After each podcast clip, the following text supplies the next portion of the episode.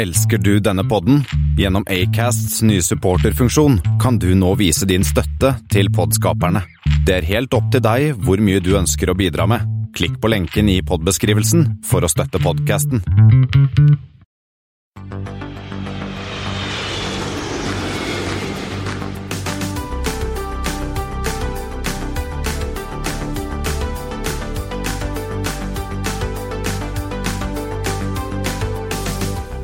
Hei, og velkommen om bord på Flypoddens flight 111, eller 111, siden det er den flytypen vi skal snakke om i dag. Det har blitt eh, 26. mai, solen er tilbake her i Sør-Norge, sånn pluss-minus, og vi skimter eh, stadig mer lys i den mørke koronatunnelen. Som vanlig hører du meg, Espen S, og Kristian Kammer. trygt plassert i hver vår kohort. Ja, det er et ord vi har lært eh, i denne våren, Espen. Ja, og egentlig er jo det en sånn romersk legion, eller romersk hærgruppe på 480 mann eller noe sånt, men det betyr også fem barnehagebarn. Ja, eh, og du gleder deg fremdeles eh, til å levere barna i barnehagen hver dag. Ja, det er alltid greit å faktisk jobbe. Det er litt deilig, det. Men eh, denne gangen skal vi se på Norwegian sine nye eiere, mer fraktbosel. Eh, og det skjer jo en del nytt hos eh, flyprodusentene. Men først, Flight 111, har vi noen av de, Christian? Jeg har funnet tre til deg, og her er det noen felles greier. Vi begynner med SU111, som går SVO AER med en SSJ. Ja, eh, det er da Aeroflot. SVO er eh, Moskva Sjeremetjevo. Og AER, det er Adler Sotsji. Nemlig Sotsji, altså. A, jeg, nesten AE, jeg tenkte som AES først, men det var altså det er Sotsji, OL-byen. Jepp, det stemmer. Eh, Jeg tror den da deler flyplass med en by som heter Adler ved siden av.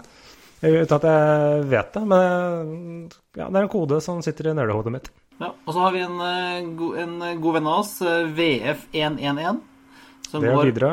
Fro BGO med en Dash 800.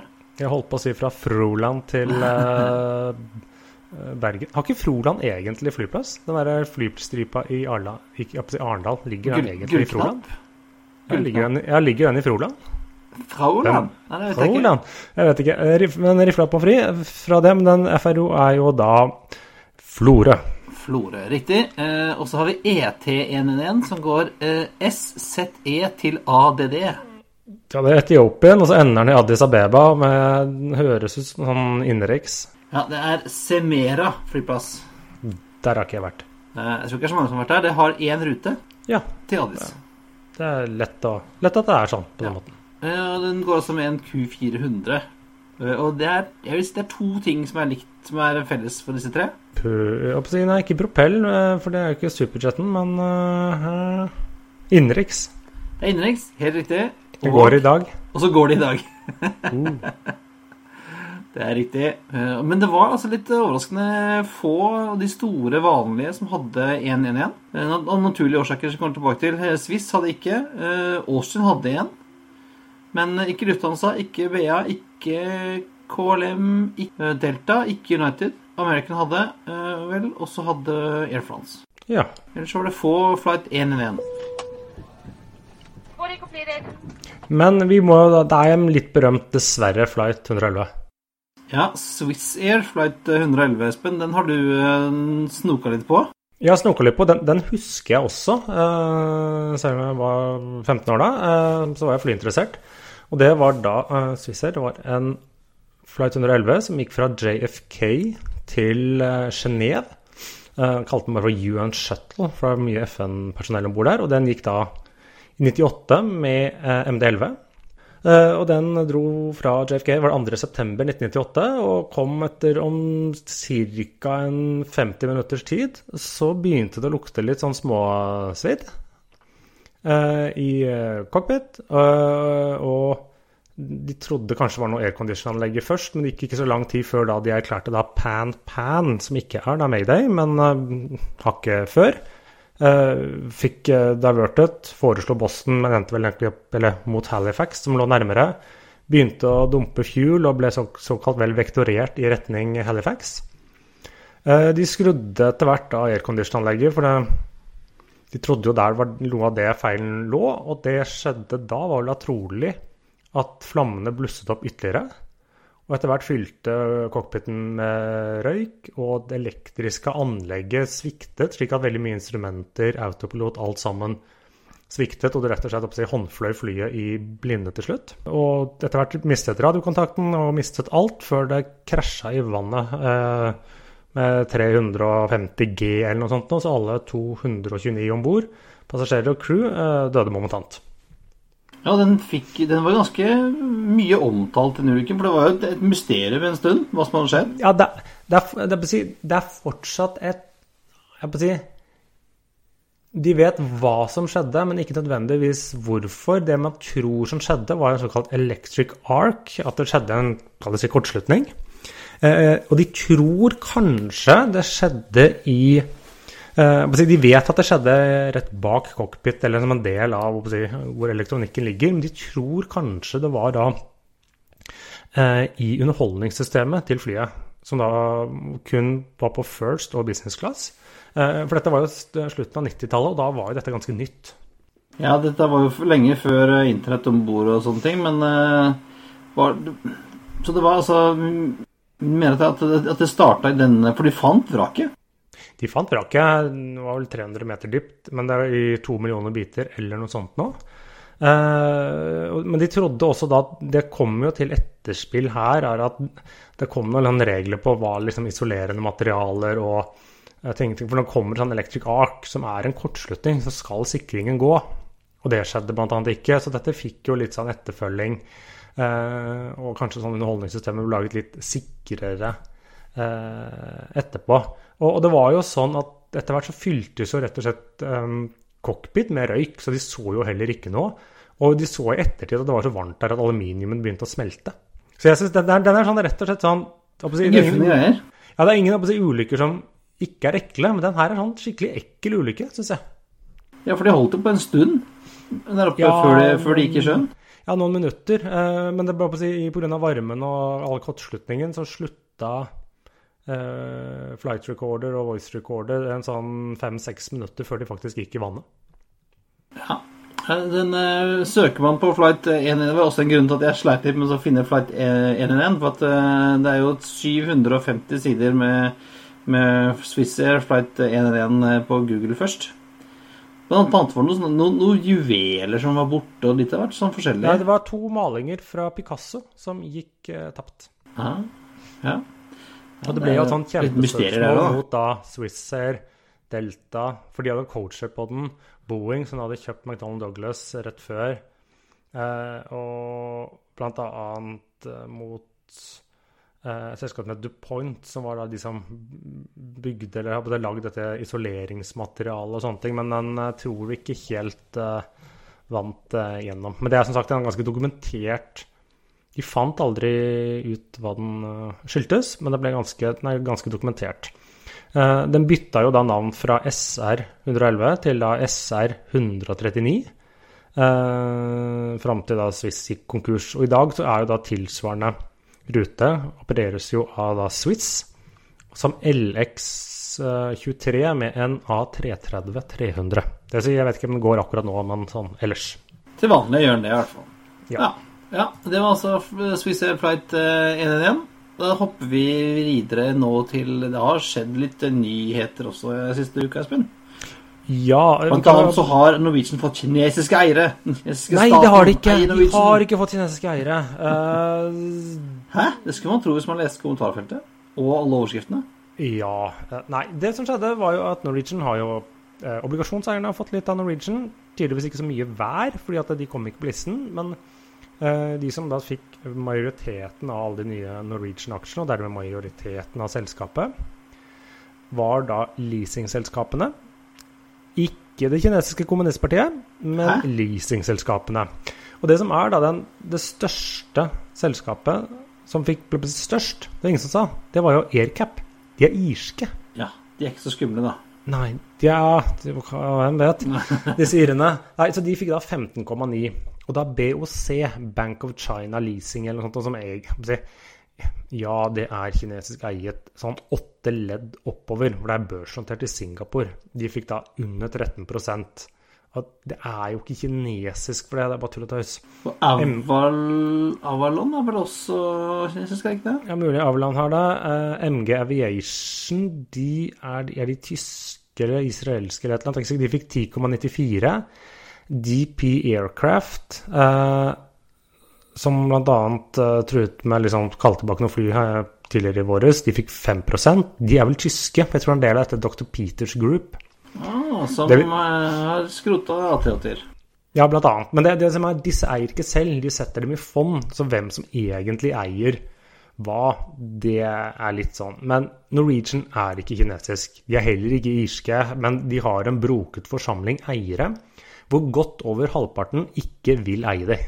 Nei, for det er jo det som er saken. Dette er jo Grunnen til at disse Bock Aviation og andre har havna på lista, er jo fordi at de godtok å, over, å gjøre om gjeld til egenkapital, aksjer, da, i forbindelse med denne re, refinansieringen av Norwegian i hva er to uker siden.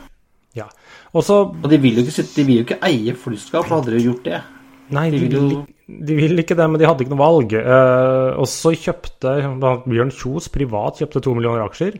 De ryktes om at de allerede er solgt. Uh, fly, uh, men de som eier Norwegian, eier Flypodden. Uh, ja. både du og jeg har jo gått inn i Norwegian. Er vi tungt? Nei, jeg ba om 5000 aksjer. Du ba om halvparten av det. Vi fikk begge 200, så det var 200 kroner ut av lommeboka mi for å redde Norwegian. Cash in. Ja, har, Ikke si at vi ikke har bidratt, Espen. Ikke si at ikke vi har bidratt. Jeg har faktisk tenkt å selge dem i morgen. Ja, for nå kan du få hele 800 kroner for det? Nå. Ja, noe sånt noe, så nå dekker det godt si, over kurtasjen. Så jeg, jeg, tipper kanskje Du får spørre meg neste sending, men jeg tror jeg faktisk har solgt dem. For nå blir det sånn Ok, dette var som å kjøpe et flakslodd, og så vant du, og da casher jeg inn. Altså, jeg gidder ikke å sitte på flakslodd. Det er det den aksjen er nå. ja, Men kursen har gått ganske bra de siste dagene. Ja, og det Ingen som vet hvorfor. Den ikke. Men ja, ja. ja. Jeg prøvde jo å legge inn sånn skambud på 100 000 aksjer til for en krone, men det var det ingen som beit på da. Den, den, falt vel ned til drøye, to ja, på akkurat det meste. Ja. Så nå er jo egenkapitalen Norwegian verdt sånn, sånn, sånn 14 milliarder eller noe sånt. Nå. Omtrent aldri vært mer verdt. Det er ganske bra prising for et flyselskap som har syv flydrift. Ja, men uh, aksjer prises jo liksom inn på framtidsvisjonene.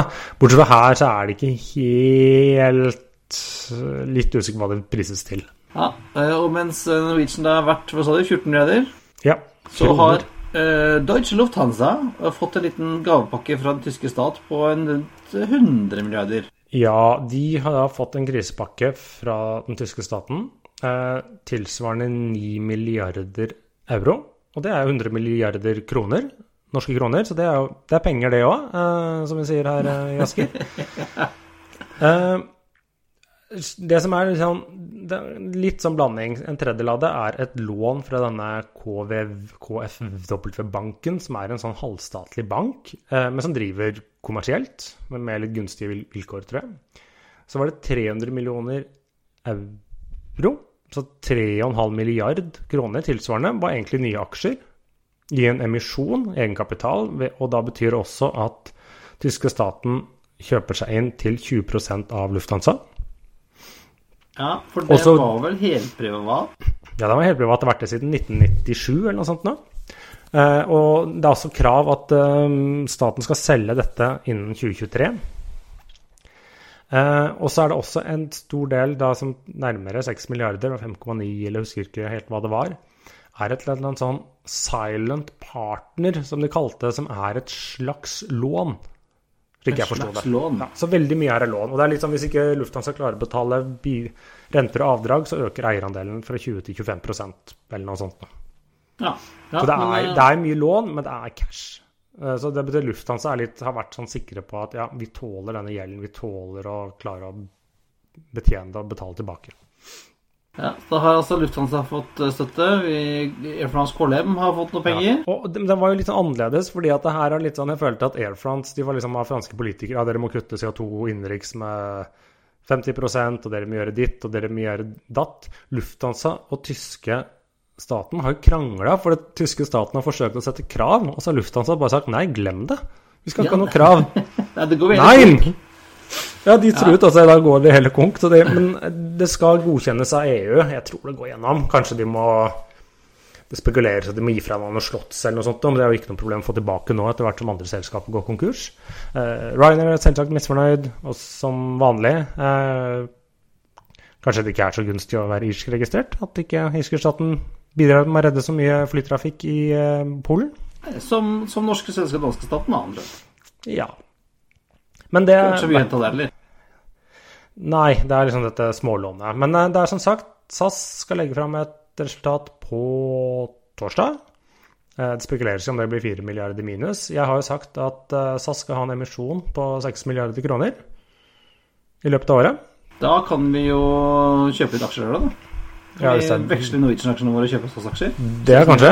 Ja, SAS. Det er liksom min, min bet. Og så er det Ja, Norwegian skulle også lagt fram noen tall på torsdag, men de har bare mm, utsatt hele greia. Bare kommet med a statement of den finansielle ståa på fredag. Eller, Ja, den er vel ikke all verdens happy fra noen av dem, tenker jeg. Nei, ikke der heller. Men vi var jo på OSL vi for er det fire, snart fire uker siden.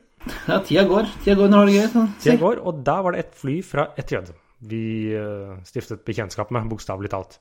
Ja, vi klappa litt på den og fikk tatt en tur inni og, og sånn. Den eh, er Det var jo en Nå har jo siden da starten av Ja, det blir 2. mai, da. Så har jo Etihad fløyet lørdager med en uh, 78710 Ja, Med- frakt. frakt i belly. Eh, og nå i går det såpass bra at nå dobler de. Ja, så da fra juni og jeg si framover Jeg tror ikke de har liksom satt noen konkret dato, skal de fly to ganger i uken. Så det betyr jo at fraktrater og dette går bra nok da, til at de ser at ok, her er det faktisk marked for to ukentlige. Eh, Foreløpig er det jo bare frakt, og de har jo ikke noe frakt i kabinen. Nei. Men de har jo, jo inne så var det jo helt vanlig flykabin. Det til og med, lå til og med eh, puter i visningsklassetene. Jeg hadde litt lyst til å knabbe et, men jeg turte ikke. Nei. Men, eh, men, men eh, det er jo en mulighet, da. At når du har fløyet såpass eh, mange ganger med frakt til Oslo, så kan det jo hende at de blir sugne på å fly passasjerer når den tiden kommer. Ja, jeg, hvem vet. Men noen som da starter, si starter, gjenstarter flere, er jo Air Baltic. De begynte jo å fly fra Riga nå, var det forrige uke? Var det to eller fire ganger i uken? Så skal de begynne Tallinn denne uken to ganger i uka. Og så med Vilnius to Nå på torsdag. gang- ja, nå på torsdag. To ganger i uken. Og det er jo egentlig, å si Ok, det er ikke et reiseforbud, men vi har anbefalt å ikke dra utenlands, vi nordmenn, så det må jo være å si, forretningsreisende eller arbeidsreisende de satser på her. Ja, jeg skulle tro det. Altså, det er jo en del eh, baltisk eller nordmenn med baltisk herkomst Ja. som bor i landet, som kanskje vil eh, hjem. Og så har jo Baltikum åpnet grensen seg imellom. Ja, og de, og de sa jo også den han Var det Martin Gaust, som er da sjefen i Air Baltic? Eh, de hadde nå liksom fra nå skal jeg ikke sånn, fra liksom omtrent ikke ha klare å få en eneste booking i starten av mai, så hadde de liksom fått forrige uke 13 000 bookinger. Også fremover i tid. Da. Sånn de, de, det er litt såkalte russiske prosenter her, men de så en viss bedring i bookingtallene. Og for da de rutene de startet, var det rundt 15. mai eller noe sånt nå, så sa han at de rutene de hadde hatt flest passasjerer på, alle fra Riga, det var Frankfurt og Oslo. Ja. ja. Men altså, det er vel alle latvierne som skal tilbake til Oslo, da. Og, og det er jo en del forretningstrafikk mellom Norge og Baltikum også. Eh, norske bedrifter som har produksjonskapasitet i Baltikum. Veldig mange av de store selskapene Jeg husker når jeg jobba i Lindorf, så hadde vi vårt store altså, shared service center i Vilnius. Eh, andre har jo sånne callsentre liggende i Tallinn og Riga også, så det er jo mye trafikk, sånn forretningsreisende mellom disse to byene. Eller mellom Norge og Baltikum, så gir jo mening. Ja, ellers så tikker jo og går, ikke bare tikker og går, men eh, Airbus eh, hadde jo en formell åpning av da Airbus 220-linjen sin nede i Alabama. Ja, det er jo et morsomt eh, Ja, for I Mobile, Alabama, så har de jo bygd 320-er en stund. Ja, eh, fire-fem stykker i måneden. Skal vel opp på en takt på åtte. Eh, Og nå skal de også bygge 220, og den kommer litt sånn i, i, kom vel litt, mis, litt mest fordi at eh, Donald truet med noe straffetoll på europeisk eller kanadisk fly. ja, det er nok litt politikken enn det. Og så var det litt sånn at den ene linjen de har i Mirabel utenfor Montreal, ikke helt klarer å dekke etterspørselen. Eller klarte, da, før eh, korona. Så det er liksom åpnet til det for den amerikanske markedet. De har visstnok satt sammen to fly til Delta der enda, som ikke er levert, men det er litt sånn test og liksom se om logistikken stemmer. Og så har vi nå liksom satt i gang formelt da den der produksjonslinjen der, som da skal bygge da første da 220-300 som skal til JetBlue. Ja. Og skal vel altså etter hvert bygge setter Breeze, da, som skal eh, leveres eh, Ja, og Del. Delta har jo store ja. ordre på det, og jeg tror de eh, håper å få flere amerikanske selskaper på kroken. Ja, og det er jo bra når du får bygd fly hjemme, da. Vi sparer sikkert litt av hvert forskjellig av avgifter og skatt og sånn. Men et fly ja, som nok helt snakker- sikkert ikke vil bli solgt i USA, Espen. Nei, og som er, kan vi kalle det hjemmelaget. Ja, det er hjemmelaget. Og spørsmålet er hvorfor i all verden? Ja. Illusion IL96 400M. Eh, ja. Illusion har vekket liv. Det er begynt år siden. De bruker jo hauger år på å lage ett fly. Um, denne 340-kopien sin uh, Ja, den kom jo lenger før 340, da. Så Ja da, men den ligner veldig. Uh, og så har de en kommet med 340 ligner på. nye motorer og nye vet ikke, vingespenn eller hva nå det er. Uh, litt lengre og tyngre. Den forrige utgaven kom da i 1992 og skal ta ja, over 300 passasjerer. Der er monteringen på full gang i Russland. Jeg er litt usikker på hvor det skal selges. Eller jeg kan liksom Vil det bli solgt til andre selskaper enn de som får beskjed av Kreml om å kjøpe det? Det er vel Aeroflot har vel bestilt noen, og så kan det vel hende at det dukker opp noen i Havanna som erstatter for de gamle Men de har ikke penger til å betale for noe som helst. Uh, så jeg Nord-Korea eh, litt Ja. sånne ting. Men jeg, jeg ser, det eneste jeg liksom ok, Jeg tror dette er ren prestisje fra russerne. Det eneste jeg kan se lille, lille logikken, er at de holder på med utviklingen av en new widebody sammen med kineserne. Denne Kraik eh, Ja, 292. ni et eller annet. Ja, som, er, som er liksom sammen med disse Comac, som bygger en sånn 737-variant i Kina og litt sånne ting. Og jeg kan si at ja, vi bygger dette for å få erfaring med å bygge widebodies, eller litt sånn den prosessen, erfaring med å ja, Som kineserne ikke klarte, de klarer ikke å sertifisere flyet, så kanskje for å økt erfaring Det eneste liksom jeg kan se, bortsett fra da rett og slett uh, stolthet og ego. Ja, altså denne, denne IL-96 er jo bygd da på IL-86, som kom inn i 1976. Så god tid før eh, 340-en. Ja da, men si, den to, må, men den er, altså, det er, den er jo en tung, eh, tung kjerre. Fire motorer, det er det jo ingen som driver med lenger. Så nei, uh, nei ikke, dette, dette er ikke akkurat framtidsrettet, Espen. Nei, Kanskje ikke solgt til Iran, fordi at den blir jo kun med russisk teknologi.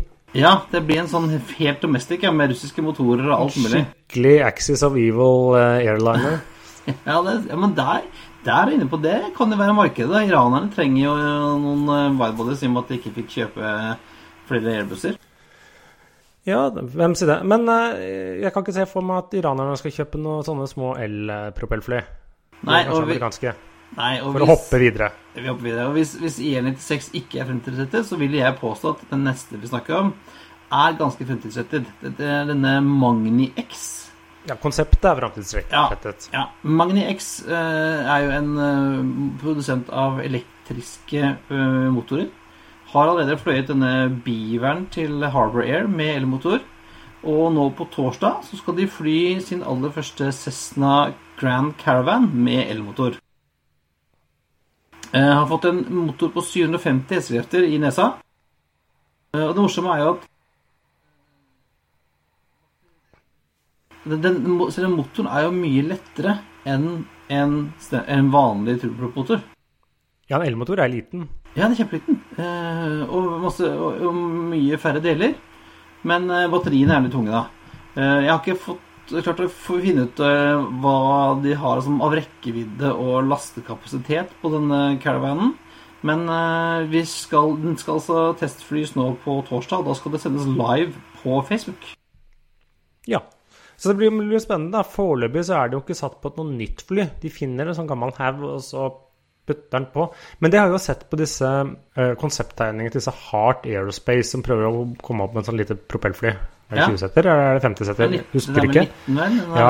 Du ser jo også den, for den har faktisk fire motorer, men alle motorene er veldig små. Så sikkert lite luftmotstand akkurat sånn sett. Det er veldig spennende på å se hvordan dette ein, eh, sånn blir, da. Eh, denne Beaveren var jo en eh, sjøflymodell, mens nå er det landfly, denne caravanen, da. Men eh, for å hoppe videre, så kan de eventuelt sette disse motorene sine på Spørre Air France om de kan bruke en av 380-ene de ikke vil ha. Ja, jeg tror du skal ganske Jeg tror du altså, batteriet må ganske svært, da.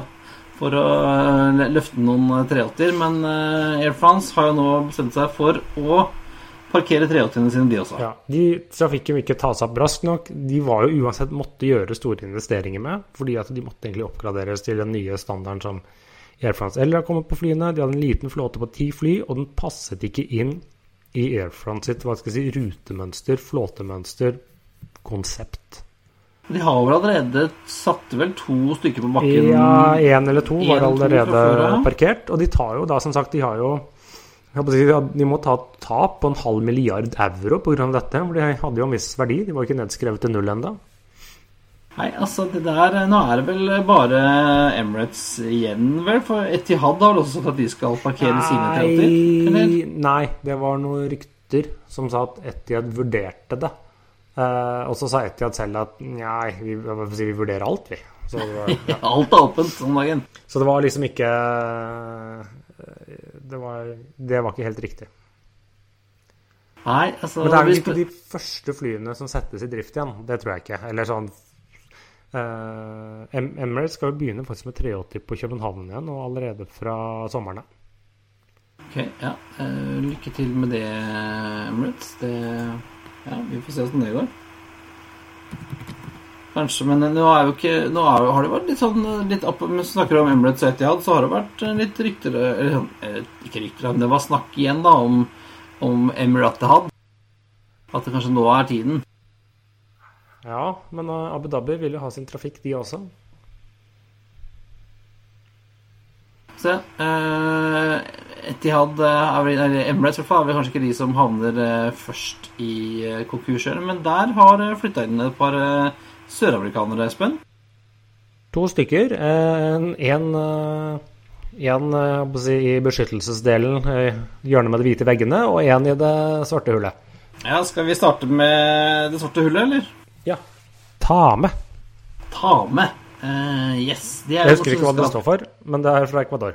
Det står faktisk eh, opprinnelig for Transportes Aeros Militares Ecuatorianos. Ja, fordi at det var det militære i Ecuador som startet det og eide det til ganske lenge. eh, Så gadd de ikke bytte initialer. Eh, Det var to, Men, to oberster som starta det i 1962 fordi at uh, militæret tjente penger. ja, og da startet flyselskap.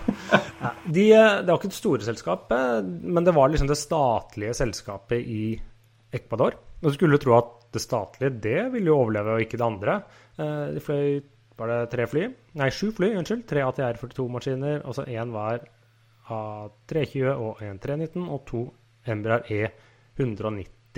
Men det var sånn, de så at dette klarer ikke de å redde, og så tok de en kikk bort på statskassa og fant ut at der var det ikke noe igjen, så vi har ikke råd til å drive vårt flyselskap, så vi legger ned, vi. Ja, men, altså, men Ecuador er jo et av landene som har fått ordentlig koronasmell, eh, inntrykk av. Ja, eller de har fått mye koronasmell i den forstand mange syke. Eh, ellers så var de bare litt tidligere ute enn nabolandene. Eh, så statusen er liksom det samme der. Men eh, Tame kommer da ikke tilbake. Men så har vi da Latam, de har vi snakket om før. De fløy inn i chapter 11. I går, faktisk. Ja, altså ikke konkurs, men konkursbeskyttelse. Ja, og Latam er da denne sammenslåingen av LAN Chile og TAM i Brasil, som også hver for seg hadde flere sånne datterselskaper i de andre landene. Du, hadde, så du har nå Latam eh, Argentina, du har Latam Peru. De var ganske store, disse, for de var blant de største i Peru, land Peru. Eh, Du har Col Colombia, de hadde Ecuador osv. Men det som er da, de har, de har, det er tydeligvis en litt interessant selskapsstruktur. Så de har søkt om konkursbeskyttelse for den delen i Chile som blant, størst, blant de største, men Peru, Colombia, Ecuador og USA, selv om det ikke er et selskap der, så er tydeligvis et eller annet registrert her. Men ikke for eh, bl.a. den brasilianske delen. Som vel er den største Ja, den er vel størst i volum, i hvert fall. Ja. Uh, men de har kanskje tjent mer penger andre steder. Men det er fordi det snakkes om noe brasilianske statsstøtte til flyselskap, tipper jeg, og at kanskje konkurslovgivningen er litt annerledes. Og så dro de jo fram da når de kom denne her, fordi at de ble nylig eh, inngikk en joint venture med Delta. De skulle gå til One World eh, osv. Altså Delta kjøpte seg inn med 20% for 1,9 milliarder dollar, eller kasta det ut av vinduet, som det også heter. Eh, de skal fortsatt være med i ha en eh, joint venture, men Delta skal da ikke kjøpe fire brukte 350 av dem. De har, men de har allerede overtatt ordren på ti nye. Så Delta måtte betale dem nå i går en erstatning på 62 millioner dollar for at eh, de ikke tok det kjøpet. Uh, men det som var litt interessant, da, det var liksom sent framme i dag fra, både fra Delta dem at dette joint venture går som planlagt, selv om de nå egentlig hadde hatt rettigheten til å terminere den fordi de gikk inn i konkurs, men Delta ønsker en partner uh, der nede, som de også rappa fra American. Men i da, denne pressemeldingen den gikk inn i chapter 11, så uh, trakk de fram to sånne brasilianske storfamilier som er storeier, at de hadde støtta dem, og de skulle spytte inn penger. Qatar Airways, som eier er det 10 eller 20% de også, skulle støtte inn penger, og det var veldig viktig, og de sto fram. De nevnte ikke Delta med et ord. Ja, og jo, Nå har jo eh, Donald stengt eh, amerikansk grense for eh, brasilianere også, så det er ikke så mye trafikk mellom Brasil og USA lenger heller? Mm, nei, nei, men det, nå er det jo unntakstilstand. Dette kommer jo igjen, og det er jo uh, sør, Markedet mellom USA og Sør-Amerika er ganske stort.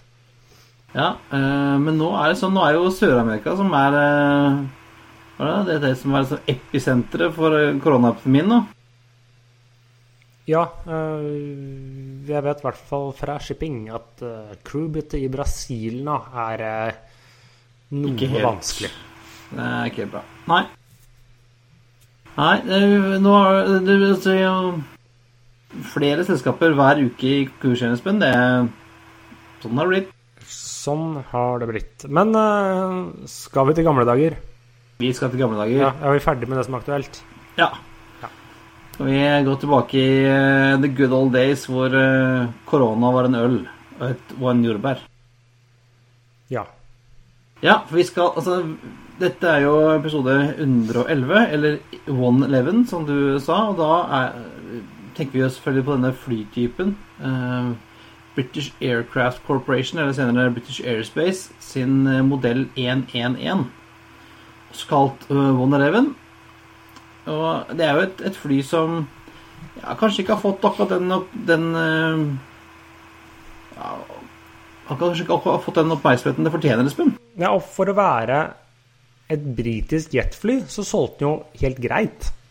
Ja, for det som er litt uh, altså Hvis du ser på sånn, historien på britiske jetfly, sånn Trident og WC10 og Comet og sånn, så er jo flesteparten av dem er jo bygd på oppdrag fra enten fra, fra myndighetene eller fra uh, et av de store flyselskapene.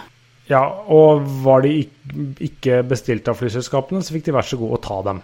Ja, og der er jo uh, denne Wonder litt annerledes, fordi at det var De som startet med denne her, og se på denne modellen, var noe som het Hunting Aircraft, som var en av som en hel haug av sånne uavhengige britiske produsenter av fly på 40-50-tallet. Og de lagde en modell som het H107. Hadde 48 setter, 2 pluss 2 seating og to motorer i halen og T-hale. Sånn, litt sånn karavellaktig. Eller, litt mindre. Ja, så de designet en CRJ 200. Ja. 50 eh, år før alle andre, more or less. Eh, og så eh, fusjonerte jo dette Hunting med Vickers English Electric for å, bli, for å, da bli British Aircraft Corporation. Det var en mer eller mindre frivillig tvang eh, for å fusjonere disse selskapene. Eh, og da gikk disse Hunting-designerne sammen med Vickers-designerne så lagde de et, en litt større jetmaskin. Eh, og så hørte de på kundene sine, og kundene sa at ja, det er fint fly, men vi må ha den litt større.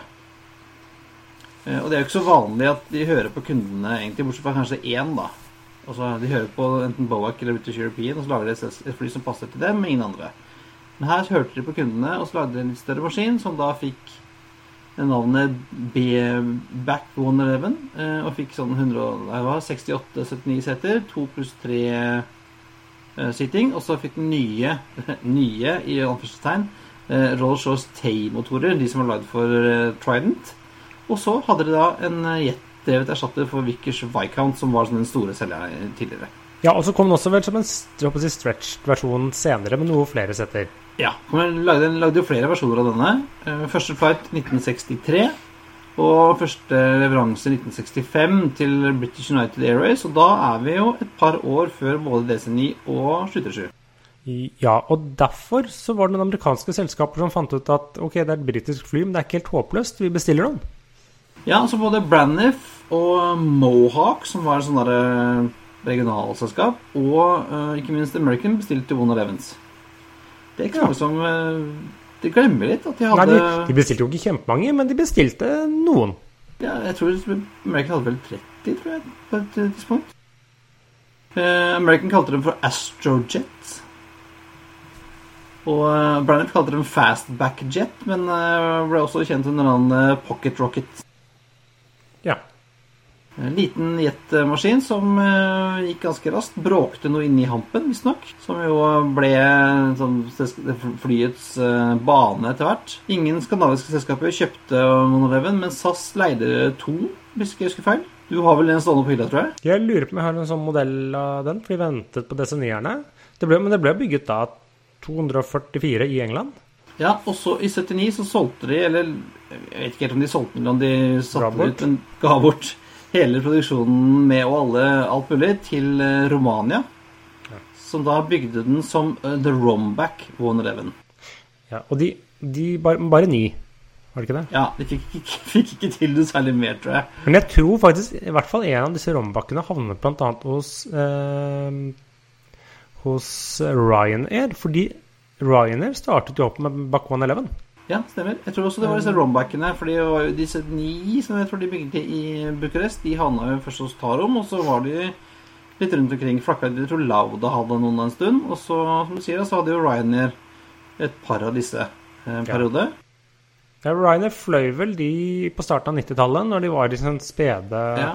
Eh, passe, men de, ble, altså de var ikke så vanlige i Europa utover 90-tallet. Da var det vel mest i Afrika. For de var Disse Rolls-Royce Var det Spey? Thai?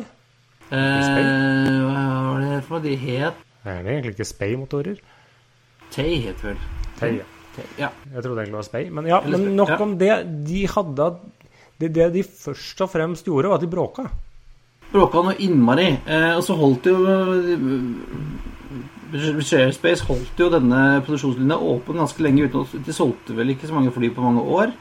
De solgte sånn ti fly på 20 år. ned. Men de håpet at de skulle kunne få nye motorer på det. Disse øh, nye øh, Rolls-Royce-motorene som Fokker 100 hadde.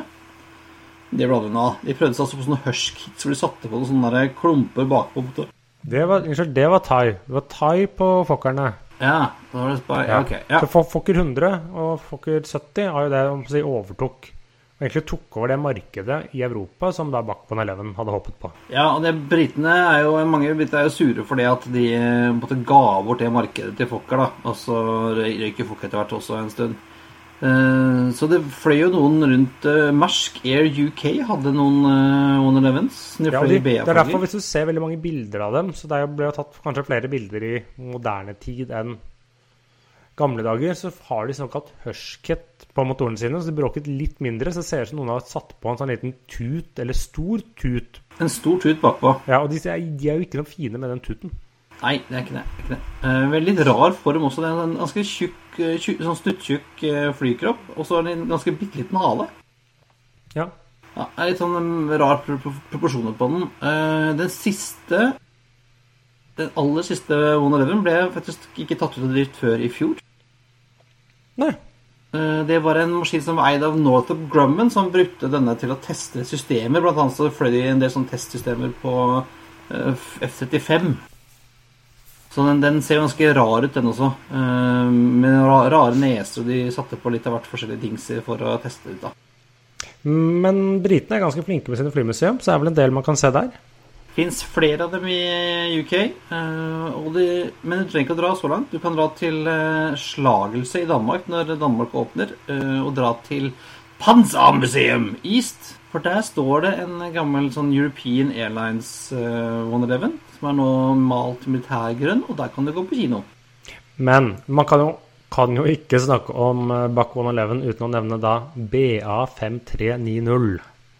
Ja, en charterflight var det vel, fra Birmingham til Alicante. Jeg tror ikke det var charterflight, for at eh, BA hadde en base på Birmingham før. Ja, uansett. Eh, gikk et stykke en stund etter takeoff, så røyk et av vinduene i cockpit. Ja, for det, dette skjedde i 1990, så var jo ikke flyet hadde si, fløyet en del. Det var jo ikke noe nytt fly. Men det viste seg at de hadde brukt var det feil skruer på vinduet til kapteinen. altså. Enten feil skruer eller skrudde inn feil eller et eller annet sånt noe. Så det sa boff, så fløy hele vinduet ut og halve kapteinen. Ja, det er det er slutt å le han fikk Det var nok en ganske skummel greie. Han ble vel ganske hardt skadd òg, men Ja, eh, masse brudd og mista vel bevisstheten der han hang ut i x antall tusen fot og dingla, mens da tilfeldigvis hadde det vært en eh, fra kabinen inne i cockpit, så, så den eh, holdt rundt beina hans, ikke resten av han skulle fly ut. Så fikk de nå landet, da. Det fins jo noen bilder av dette på nettet som vi klarer å finne. Hvor, Ja, det er bilder, og det fins vel en eh, sånn Air Crash Investigation-episode minst om den. Jeg skal ikke se bort fra at den ligger på YouTube. Ja, for han land, De lander jo da med han hengende ut av cockpit-vinduet. Det er jo helt uh, bisarre greier. Ja. Men det gikk bra. På et vis. Nei, så de rett og slett brukte for tynne skruer, var det. For tynne skruer, uh, så- det, ja, ja. Og de er jo Det er ikke Da bare forsvant vinduet, da. Ja, det skal vi ikke ha nå, Espen. For tynne skuer er noe drit. Ja, det var altså One Eleven. Håper nå har vi lært litt om One Eleven. Anbefaler Vi har noen eh, linker som vi selvfølgelig eh, legger ut på flypodden.no, så man kan lese opp på enda litt mer om One Eleven hvis man vil det. Men eh, Christian, nå som ikke kan fly, så har visst du et tips. Ja, jeg har et tips. For jeg, altså ukens anbefaling er en annen podkast som heter Bobilpodden. Nå ble jeg skeptisk. Ja, altså jeg har snakket med min navnebror som heter Christian. Han heter Laland til etternavn, og han var tidligere sjef for eh, sosiale medier i Høyre. Eh, Nå er, jobber han i PR-byrået Pressure. Eh, Og han Christian, er en stor fan av Flippodden, sier han i hvert fall. Og nå har han og tre kompiser startet Bobilpodden. Som handler om da på bobilferie i Norge eh, når du ikke kan noen ting om bobil, og det viser seg eh, ikke har bobil engang. Ja, da er vi innenfor. Jeg kan ingenting om bobil. Jeg har ikke bobil. Nei, det burde vi burde da Men vi starta altså ikke en, eh, en bobilpod som Christian og kompisene. Men eh, jeg, jeg, eh, jeg, jeg måtte nesten ta en prat med Christian om dette. Så vi, kan vi bare høre på det, Espen? Ja, for det er jo årets ferietips. Hvis vi ikke kan fly til utlandet, så får man uh, skaffe seg en uh, bobil og kjøre rundt. Ja, da har jeg fått besøk i Flypodden av en annen Christian. Hei, Christian. God dag, god dag. Christian Lalland, tidligere social media-head for Høyre. Absolutt. Ja, Ernas stemme, ville du brukt disse ordene? ja, hun har brukt mange fine ord. Det er kanskje ikke alle hun, hun ville brukt, da, men Men nå eh, som eh, rådgiver, politisk Nå, ja. eh, digital eh, rådgiver ja, nå har jeg gått inn, eh, gått inn på den skitne konsulentsiden. Og skal bli. Ja, ikke sant. Så du, du kjenner jo til det. Så, så sånn er det blitt. Nå jobber jeg i et uh, digitalt politisk byrå som heter Pressure, og driver med politisk påvirkning her. Ja, og passe på å tjene litt penger til Petter Ja, ikke sant. Ikke sant. Det er viktig, det. Han trenger litt cash, han også. Ja. Absolutt. Men grunnen til at du er med her, Kristian, er ikke fordi alt er morsomt dere før, men fordi det du skal gjøre nå i sommer. Sammen med to andre, så, eller tre andre, Tre andre, ja. Absolutt. eh, Så- så har du lansert Bobilpodden. Eh, Det høres så teit ut, vet du. Bobilpodden. Hvem er det som driver med sånt? Det er jo bare tull. Men eh, Nei, altså, kan du si det først, da. Jeg er jo stor fan av Flypodden. Det er stas å, stas å sitte her og snakke med deg, Christian. Eh, og vi som skal på tur, er jo også glad i å fly, ikke sant. Uh, men det blir det jo ikke noe av uh, den sommeren her. Så da fant vi ut at eh, vi skal jo oppleve Norge, sånn som alle andre. Så hvorfor ikke gå hen og skaffe seg en bobil og se hvordan det livet er. Men dere er ikke de eneste som skal det i sommer? Nei, altså det markedet der har jo eksplodert. Det er jo helt uh, vilt. Altså prisingen på en uke bobil er jo alt fra Altså en skittig bobil, da, da må du ut med 8 9 10 000 kanskje. Skal du ha en fresh bobil en uke, så snakker vi altså 25-30 løk for å få seg en Ja, ikke sant. Det er jo helt uh, sjukt. Så vi, jeg tror nok vi kommer til å lande et sted midt imellom. Men, uh, men vi har jo foreløpig ikke fått tak i noen bil, for det er ingen som har lyst til å leie ut til oss. Så det er problemet. Så dere er egentlig uten bobil på den? Ja, er, ja, vi er nå bobilpodden uten bobil. Så det her kan jo gå alle veier. Jeg er fortsatt optimist Jeg tror vi skal få det til. Ja, så jeg, jeg har hørt to episoder så langt. Det er de to som har kommet ut. Ja, eh, hvor dere egentlig snakker om eh, litt sånn bakgrunnen for hvorfor dere har gjort dette, og eh, problemene dere har med å skaffe en bobil. Jeg prøvde å skaffe en bobil til dere i går. Men Gjorde du? Ja, jeg prøvde.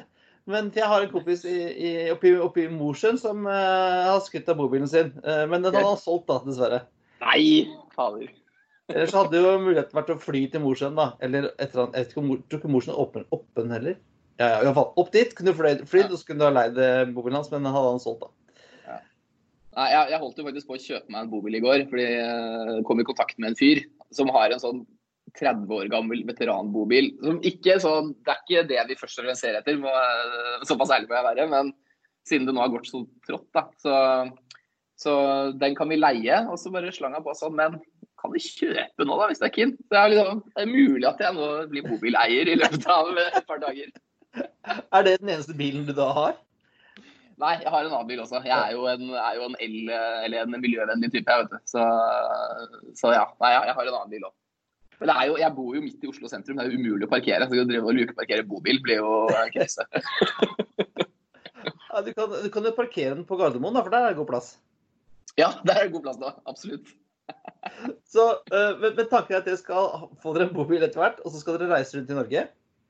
Ja, det er planen, og det har jeg liksom alltid tenkt på. Altså ikke bobil kanskje, da, men som norgesferie har jeg på en måte alltid hatt på blokka. Uh, Men ikke blitt noe av. Fordi uh, i likhet med dere så liker jeg godt å komme meg litt langt unna Norge når det er ferie. Så sånn sett så er det jo ålreit. Men jeg tror, jeg tror nok jeg og de andre gutta har nok kanskje romantisert det litt. Eh, Jeg tror ikke det er så hyggelig med fire voksne menn i en liten bobil. og, og at livet er så flott der som jeg kanskje tror det er, da. Alternativet hadde jo vært å skaffe, kjøpe en russebuss, da. For de finnes jo noe som ikke blir brukt. Men har vi lyst til å være den gjengen, liksom? Her kommer det fire menn på over 30 i en russebuss. Inn på campingplassen. Nei, da tror jeg vi får mye stygge blikk, altså.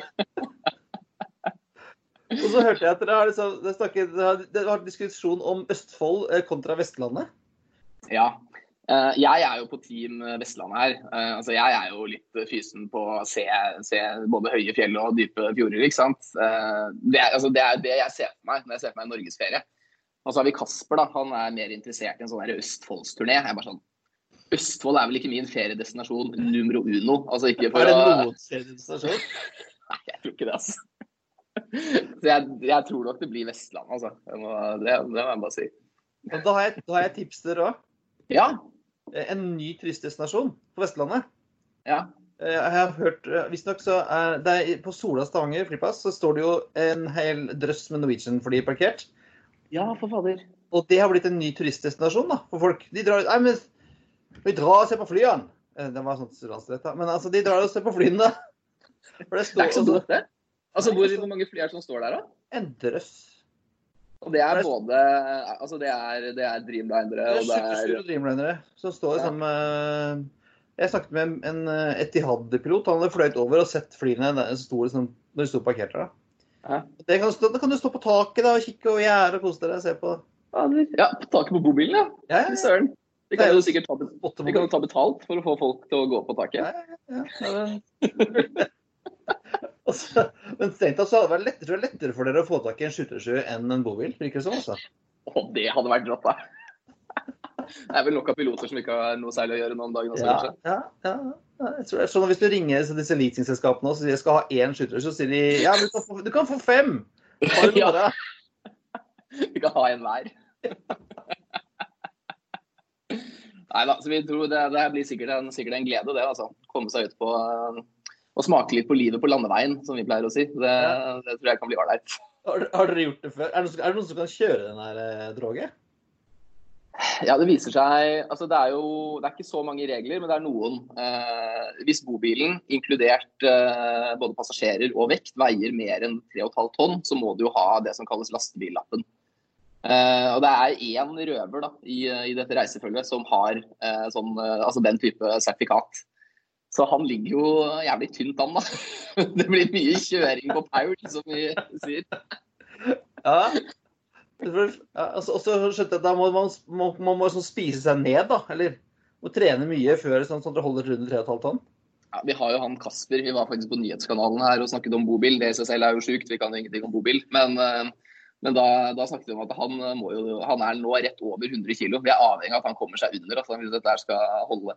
Så jeg satte meg på sånn keto-diett. Så nå er det bare nå er det bare krem fresh og bacon som går inn i den kroppen der. Han er så glad i is. Ja.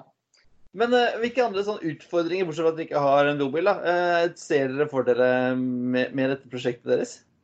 Nei, altså det er jo F.eks. så skal toalettet skal tømmes. Uh, og det finnes det visst egne stasjoner for. Og så er det visst sånn at man må booke i forveien da, når man kommer inn på en campingplass eller en bobilparkering. og det begynner å fylle seg opp. Så det blir en utfordring jeg tror livet i bobilen generelt kan også bli en utfordring. Uh, den bilen som det ligger an til at vi kanskje får, der sier han som eier den da, at det er seks sengeplasser. Det gleder jeg meg til å se. Uh, det tror jeg ikke helt på på de bildene jeg har sett. Så jeg, jeg tror alt kan bli en utfordring, egentlig. Det, men dere skal, dere skal, da sende, lage sending underveis?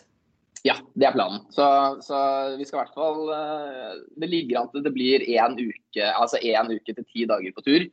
Så vi skal prøve å i hvert fall få klemt ut en tre-fire episoder.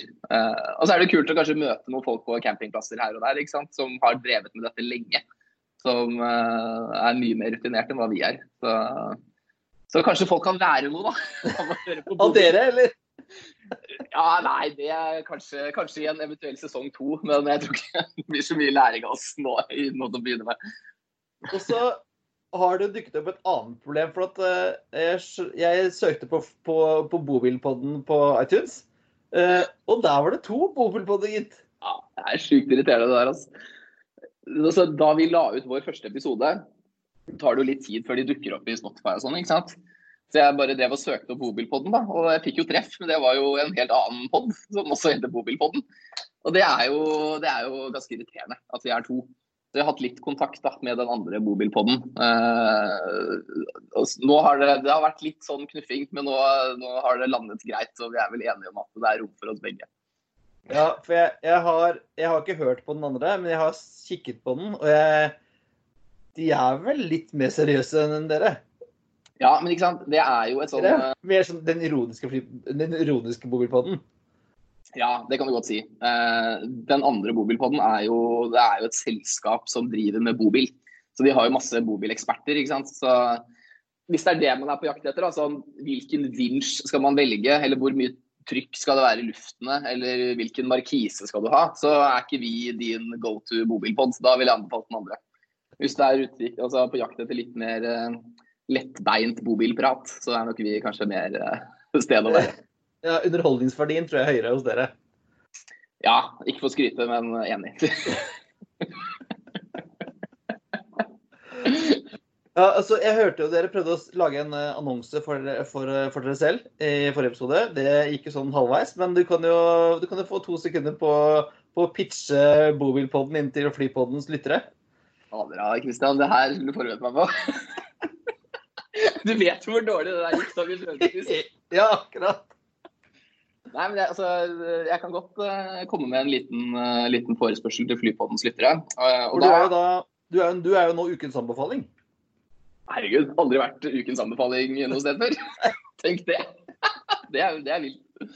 Nei, Da vil jeg anbefale alle Flypoddens lyttere som uh, sitter på en bobil som de ikke har planer om å bruke i uke 27, til å uh, rett og slett uh, ta kontakt med oss. vi lover å ta godt vare på bilen din.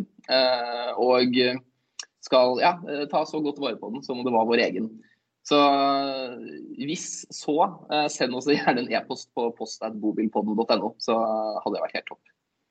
Og eh, anbefaling nummer to er selvfølgelig da å høre på Bobilpodden. Ja, tusen takk. Eh, det, det, er veldig kult om dere gjør det, altså. Eh, og så er vi veldig spent på, på utviklingen, Christian. Vi håper at dere fingrene for at dere får en uh, bobil og kan reise rundt. Eventuelt så kan dere snakke med Norwegian og spørre om å få lånt en 737. Det hadde vært helt konge. Helt konge. Hvis jeg har lov til å bare si én ting på slutten, så det blir en veldig spennende gjest i neste episode. Så det er en gjest som jeg tipper alle Flypoddens lyttere og andre har, uh, har, et slags forhold til. Ja, da gleder vi oss. Det var en sånn tis på slutten der, Kristian. Absolutt. Jeg, jeg, har jobbet i radio, så jeg vet hva jeg driver med. Herregud, ja, en ydmyk type. Skal ikke være mulig. Oh, ja, men da altså Anbefalingen til uh, lytterne av Flypodden uh, gi denne mannen en mobil uh, og hør på podden hans. og så kommer det mye spennende fra den kanten seinere. Ja, fikk du lyst til å dra på mobilferie, Espen? Mm, nei. Nei, ikke nei. helt, altså. Nei, jeg, jeg må innrømme jeg, jeg skjønner konseptet, men jeg liker ikke telt heller. Jeg, vi fant opp senga, vi fant opp vegger og vi fant opp tak. Som ja, står stabilt.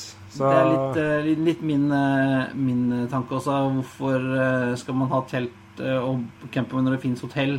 Ja, men jeg kan, jeg kan se skjermen. Jeg, jeg, kan se det passer for noen. og det kan sikkert absolutt være hyggelig, og man kommer kanskje nærmere naturen uten å måtte sove på bakken. Ja, altså Hvis man da kjører bort til en flyplass, så kan man jo stå på taket og spotte, da, f.eks. Ja, hvis det går å fly, da. Ja, ja. Uh, ja, uh, vi får se, da. Jeg håper jo at de kommer seg av gårde, og at de sender oss en liten stemningsrapport i løpet av sommeren. Kanskje fra Sola, hvis de drar og ser på noen uh, parkerte fly. Ikke umulig. Det var alt for denne gang. Det er på tide å feste sikkerhetsbeltet, rette opp stolsetet og sikre fri sikt ut av vinduet ettersom flight 111 går inn for landing. Som vanlig finner du linker til det vi har snakket om i dag på flypodden.no. Du finner oss også på facebook.com flypodden, på Twitter at flypodden og Instagram at flypodden og på LinkedIn. Har du spørsmål, vil du invitere oss på flytur eller sponse oss, er det bare å sende oss en mail. Eh, og siden vi har litt problemer med mailen vår, så det, har vi en midlertidig mail som heter flypodden at scanner.no. Eller Facebook. Eller Facebook. Ha det bra. Flying with us today. We truly appreciate your business and look forward to serving you on a future flight.